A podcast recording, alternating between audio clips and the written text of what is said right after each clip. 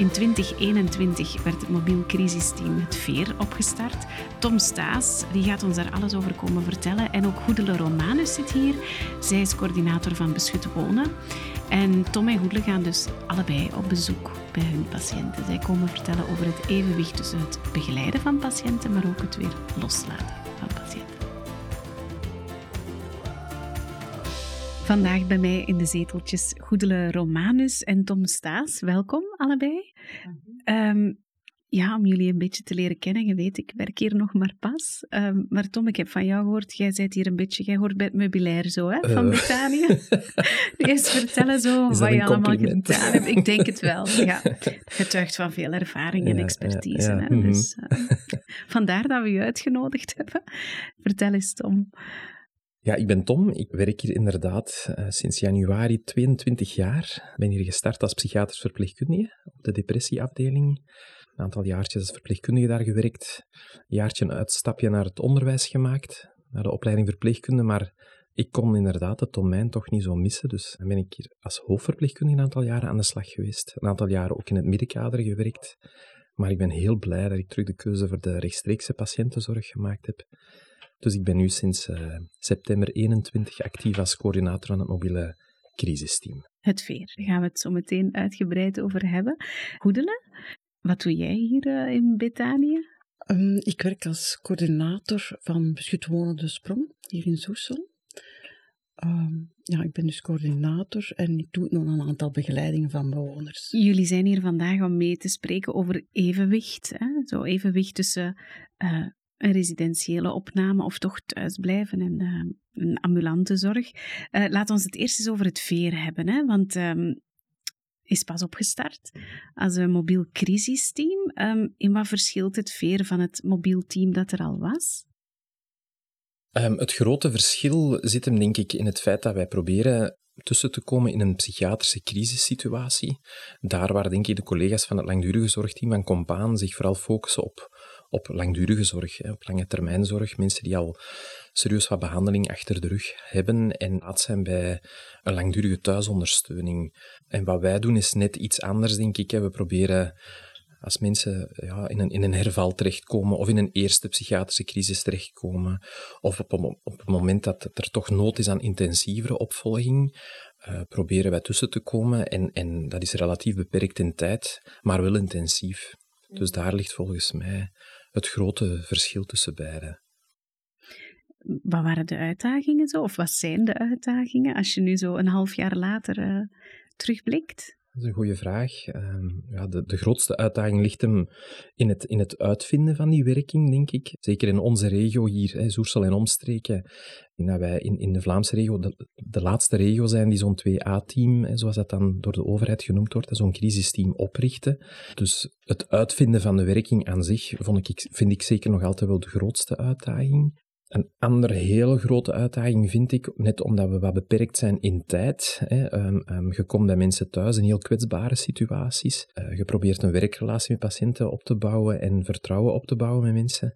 Maar je weet al van bij dag één dat je vrij snel gaat moeten loslaten. En als je dan om je heen kijkt in dat zorglandschap, dan, dan ja, stel je vast dat er overal wachtlijsten zijn, dat er criteria zijn, dat er exclusiecriteria zijn. Ja, en dat vind ik eigenlijk ook een grote uitdaging om toch, toch snel en goed aansluiting te vinden op andere zorgvormen, die dat dan vaak minder intensief zijn dan de onze. Mhm. Ik denk dan aan een CGG bijvoorbeeld, of, of uh, ambulante therapeuten, die vaak ook met wachttijden werken en zo. Wat voor patiënten komen jullie tegen? Zijn er problematieken die steeds terugkeren, of merk je daar al tendensen zo? Ja, we hebben er zelf natuurlijk in team ook al zo over gesproken, van wie ontmoeten wij nu allemaal. En uh, ik ben daar zelf wel een beetje van geschrokken, want ik had zo ook een, bepaald vooroordeel van wat, wat zo'n mobiel crisisteam zou doen. En ik dacht dat we vooral gingen tussenkomen in, in ja, crisissen en zo, maar je ziet echt het hele spectrum aan problematieken terugkomen. Hè. Dus, dus wij, wij ontmoeten jonge mensen, wij ontmoeten bejaarde mensen, uh, we zien mensen met paranoïde klachten, met depressieve klachten, uh, we zien mensen met persoonlijkheidsproblematiek. We zien ongelooflijk veel verslavingszorg, daar ben ik echt van geschrokken. Ik denk als ik nu de cijfers van de laatste zes maanden overloop, denk ik dat we drie op vier uh, mensen hebben met een verslavingsproblematiek, al dan niet primair. Dus ja, eigenlijk het hele spectrum van psychiatrische problematieken komen wij tegen. Dus ik kan daar niet zomaar zeggen van die patiënt met die klachten, de, daar focussen op of zo. Dat is, dat is ook, net ook de grote uitdaging van het werk, vind ik. Dat, dat je, als je je werkdag overloopt en je, en je ziet zo van welke huisbezoeken hebben we nu vandaag allemaal gedaan, dat dat heel uiteenlopend is. Zo. Ja. Komt ook heel dicht bij de families uh, Ja. te staan. Ja. Ehm, Ja. ja, dat is iets dat jullie ook eh, wel wat kennen, denk ik. Of, Wij staan niet zo dicht bij de familie. Wij vinden familie wel heel belangrijk en ook het regelmatig contact. Wat ook wel wat moeilijk was in coronatijden. Maar voor de meeste familie is het eigenlijk eerder een opluchting. Ja. Ja, dan merken we wel. Hè, de, ze hebben heel lang de zorg gedragen voor die bewoner. En het is eigenlijk op het moment dat ze eigenlijk geen huis- of thuissituatie meer hebben, dat ze naar ons komen en dat de familie meestal een beetje opgelucht is dat die zorg wat wordt overgenomen. En we merken als na een tijd, als ze beschut wonen zijn en we denken aan alleen terug gaan wonen, dat je de angst terug voelt bij de familie. Van oei, een verandering, wat gaat dat met zich meebrengen? Komt die zorg terug naar ons? Want kan je zoiets vertellen over zo de veiligheid bij opnamen of, of hè, bij beschut wonen en, en zelfstandigheid om thuis te kunnen blijven? Zo? Hoe, hoe... Wij behandelen niet meer. Hè. Bij ons is het echt begeleiding en bij ons is het echt ook een woonsituatie. Mensen komen bij ons wonen en wij gaan eh, mensen ondersteunen in hun dagdagelijkse wereld, in hun dagdagelijkse leven. Dat is voor ons onze belangrijkste bestaansreden eigenlijk. Ja, voor mensen met een EPA-problematiek, dat wil zeggen voor mensen met een ernstige psychiatrische aandoening, die meestal ook al een hele tijd in het ziekenhuis zijn verbleven, die ook al andere mogelijkheden hebben uitgeprobeerd, en waarvan dan tot de conclusie wordt gekomen van kijk, misschien is het wel goed voor bes- naar beschut wonen te gaan, maar dat er meer begeleiding is dan bijvoorbeeld alleen ergens thuis te gaan wonen of terug naar de thuissituatie te gaan. Er zijn groepswoningen, maar er zijn ook studio's. Kan je daar wat meer over vertellen? Want er worden ook een heel aantal nieuwe studio's gebouwd, heb ik gehoord. Dus oorspronkelijk waren er zes groepswoningen met vijf bewoners per huis. En die gaan we in drie fasen omzetten naar studio's. Dus elke bewoner krijgt een studio waar dat hij zijn eigen keuken heeft, een eigen eh, living heeft en een eigen slaaphoek heeft. Dat, is, dat was een heel grote verandering. Dat was ten eerste belangrijk omdat we veel meer gewenst werden en anderzijds omdat de bestaande groepswoningen ook uitgeleefd waren. Um, een groot deel van de mensen kijken er echt naar uit om naar die studio's te gaan. Voor een aantal mensen was het een hele aanpassing, omdat ze bijvoorbeeld al twintig jaar samen in groep woonden. Ik heb ook een bewoner die dat heel mooi beschreven heeft in ons boekje, het experiment, hoe dat hij ervaren heeft, heel die verandering, en hoe hij nu eigenlijk gelukkig is in zijn nieuwe woonst. Een nieuwe woonst waar hij ook gewoon bij de buren kan koffie drinken. Want is er nog een gemeenschappelijk deel? Wel Of? een goede vraag, een heel goede vraag. We hadden iets gemeenschappelijks voorzien. Iets heel mooi. Hè? Een wassalon en een plek om te zijn met de andere bewoners. Maar, ja, je kunt het al raden, hè? bouwkosten, bouwkosten ehm, met de gestegen grondstofprijzen, de huurprijzen waar hadden de neiging om ook te hoog te gaan. Want veel van onze bewoners hebben maar een uitkering en hebben maar, konden maar een bepaalde huurprijs aan. Dus dat vonden we het belangrijkste, dat het een betaalbare woning blijft. En dat is er ernaast gevallen. Dus op dit ogenblik, maar ik zeg op dit ogenblik, is daar weinig of geen vraag naar. Vanuit de bewoners. Oké. Dus ja, voor jullie allebei denk ik dat 2021 wel een, een goed jaar was zo, hè? met veel eh, vernieuwing. En jullie gaan dan bij de mensen thuis, hè? de mensen die echt in crisis zijn, en denken dan met hen samen na over wat de volgende stappen zijn? Of, of... Ja, ehm, ja dus, dus wat heel typisch is aan onze werking, is dat we heel inclusief proberen te zijn. Ehm, dat vinden we ontzettend belangrijk en ik denk dat dat een beetje in lijn is met de, met de visie die in, in, in Betanië sowieso heerst, dat we proberen de meest kwetsbaren nabij te zijn. Ik denk dat dat op, op alle afdelingen hier ook wel wat een cultuur is. Dus dat is zeker de cultuur die we ook in het veer willen uitdragen. Eh, dat we niet met al te veel exclusiecriteria werken. Er moet natuurlijk wel sprake zijn van een crisissituatie, maar ook dat is een begrip dat heel rekbaar is. Dus we zijn ook heel laagdrempelig. ehm, ehm, sommige crisisteams hè, werken met enkel met verwijzing van de huisarts bijvoorbeeld. Maar ja, je moet je eens proberen in te leven in iemand die in crisis is en al bijvoorbeeld twee jaar bij een ambulante psycholoog gaat en eigenlijk nauwelijks de huisarts contacteert, ja, dan bouw je natuurlijk een enorme drempel in door te zeggen, ja, je moet eerst nog naar de huisarts om daar je verhaal te brengen en dan mag die naar ons bellen. Dus voor ons is elke verwijzing een ernstige verwijzing, ook al komt die van een cliënt zelf of van een naaste. Dus ook familieleden melden soms aan. Als ik naar 2021 kijk, denk je dat een, ja, een, een zestal familieleden toch een, een partner of, of een naast familielid aangemeld hebben. En dat zijn stuk voor stuk zinvolle begeleidingen geweest. Dus het, het sterkt mij ook wel in het feit dat we dat op die manier aanpakken. Um, dus, dus, we proberen heel inclusief en heel laagdrempelig bereikbaar te zijn.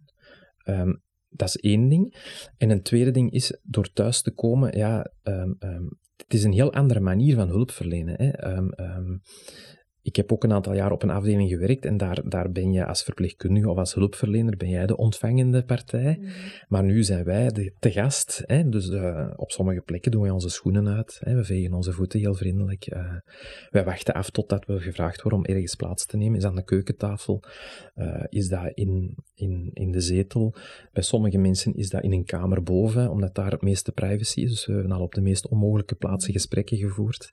In een achterkamer in een bloemenwinkel heb ik al Um, dus, dus ja, we zijn te gast en dat is een heel andere manier van, van, van hulp verlenen hè, dat we doen. Uh, is dat iets dat jij herkent? Want jij komt eigenlijk ook allee, ja, de mensen thuis. lijken we wel op elkaar, denk ja, absoluut, ik. absoluut, ja. absoluut. Ja, Dat is iets dat wij ook heel belangrijk vinden. Hè, dat als wij, dat wij inderdaad ook op bezoek gaan. Dus mm. het is zo, wij bellen ook al, wij hebben een loper hè, voor crisissituaties. Maar wij bellen altijd aan.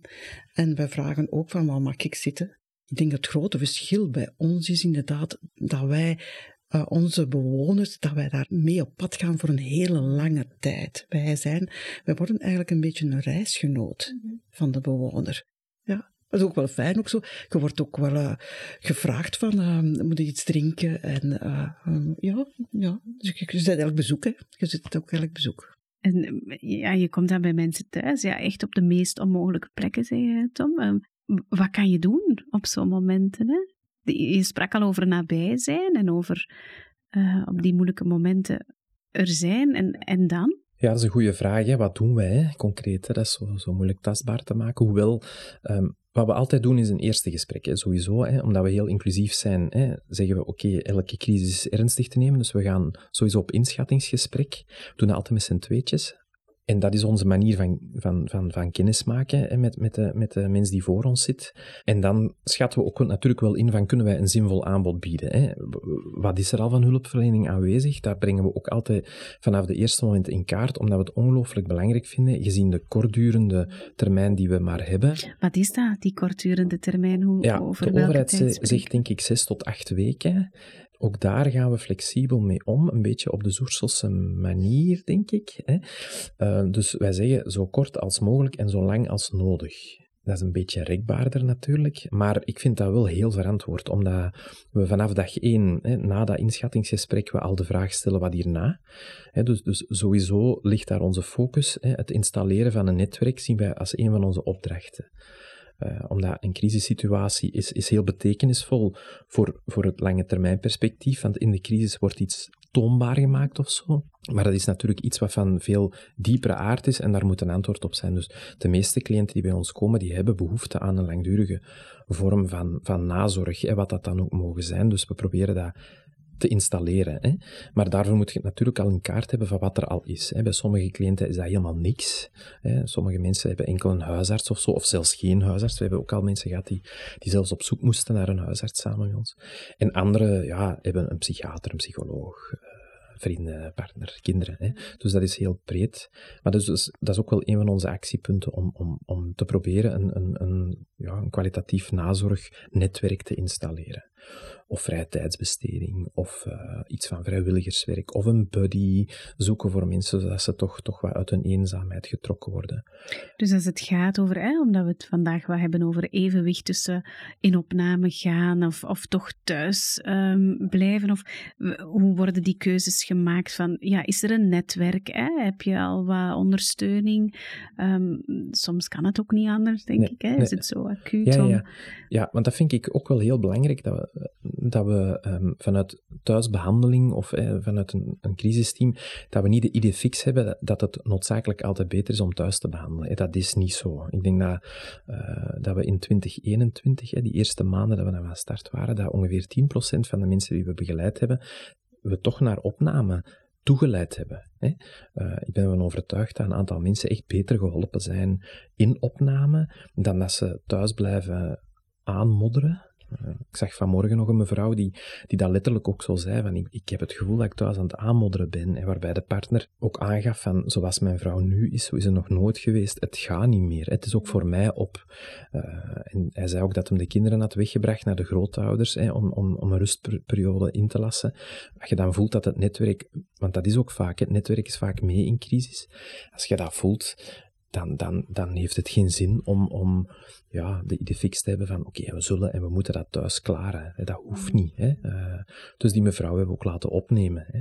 Wat, zijn, wat maakt dat sommige mensen soms die stap toch niet willen of, of durven zetten? Of heb je Vaak daar, zijn dat uh... gezonde motieven. Hè? Bijvoorbeeld het hebben van kinderen en het willen blijven zorgen voor de kinderen. Het hebben van werk of van een zinvolle dagbesteding die niet opgegeven mag worden. Of ja, het vervat zijn in een bepaald netwerk of patroon van gewoontes of zo. Ehm, ehm, de eigen context is voor veel mensen ook heel veilig om daarin geholpen te worden.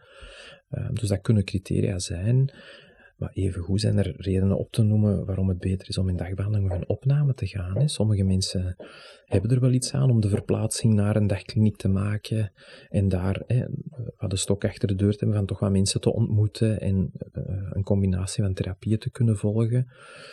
Of hebben even die, die, die, die time-out van een opname nodig. Of ik denk bijvoorbeeld ook wel aan mensen die, die ernstig trauma meemaken en die dat eigenlijk nog nooit ertoe gekomen zijn om dat te doorwerken. Um, dan, dan lijkt mij bijvoorbeeld een opname wel aangewezen. Is er ook nog veel invloed um, van vooroordelen zo, voor mensen die uh, een opname eventueel niet zouden doen? Ja, ik ben er wel van overtuigd dat, dat stigma nog steeds een, een, een heel groot probleem is. Hè. Zowel maatschappelijk gezien, hoewel er ongelooflijke inspanningen maatschappelijk gezien gebeuren hè, naar, naar stigma toe. Altijd de gekacties en, en rode neuzen indachtig. Maar ik denk dat er ook volkomen terecht is dat die acties plaatsvinden en blijvend moeten plaatsvinden. Uh, want ik merk, en dat is dan een ander aspect, dat heel veel patiënten, maar ook familieleden um, dat stigma met zich meedragen. Hè. Uh, zelfstigma zorgt er in veel gevallen voor, denk ik, dat mensen veel te laat hulp zoeken, veel te laat durven erkennen dat ze een probleem ervaren en daardoor uitstellen, hè, daardoor ook wel angst hebben om, om, om zich binnen de GGZ ergens aan te melden, laat staan in opname te gaan. Um, bij familieleden speelt een gelijkaardig proces, denk ik. Um, het grote voordeel, vind ik, van thuisbehandeling is dat je ja, een, een, een hele kleine drempel inbouwt. Hè? En, en dat de grote poort van de psychiatrie, dat je daar niet door moet. Hè? Uh, je gaat zelf als hulpverlener hè, op, met je bescheiden uh, schriftje en pennetje bel je aan en ga je in de zetel bij de patiënt thuis zitten. Dus, dus daar hoeft die grote schaamte niet zo te spelen om u te laten opnemen in de psychiatrie. En dat is, dat is een, een, groot voordeel voor mensen soms, denk ik, om die eerste brug te kunnen pakken zonder dan um, direct die opname te moeten overwegen. En voor familieleden is dat soms ook wel heel geruststellend, hè, dat er toch hulp toegelaten wordt, ondanks het feit dat er een heel grote schaamte vaak wel, wel aanwezig is.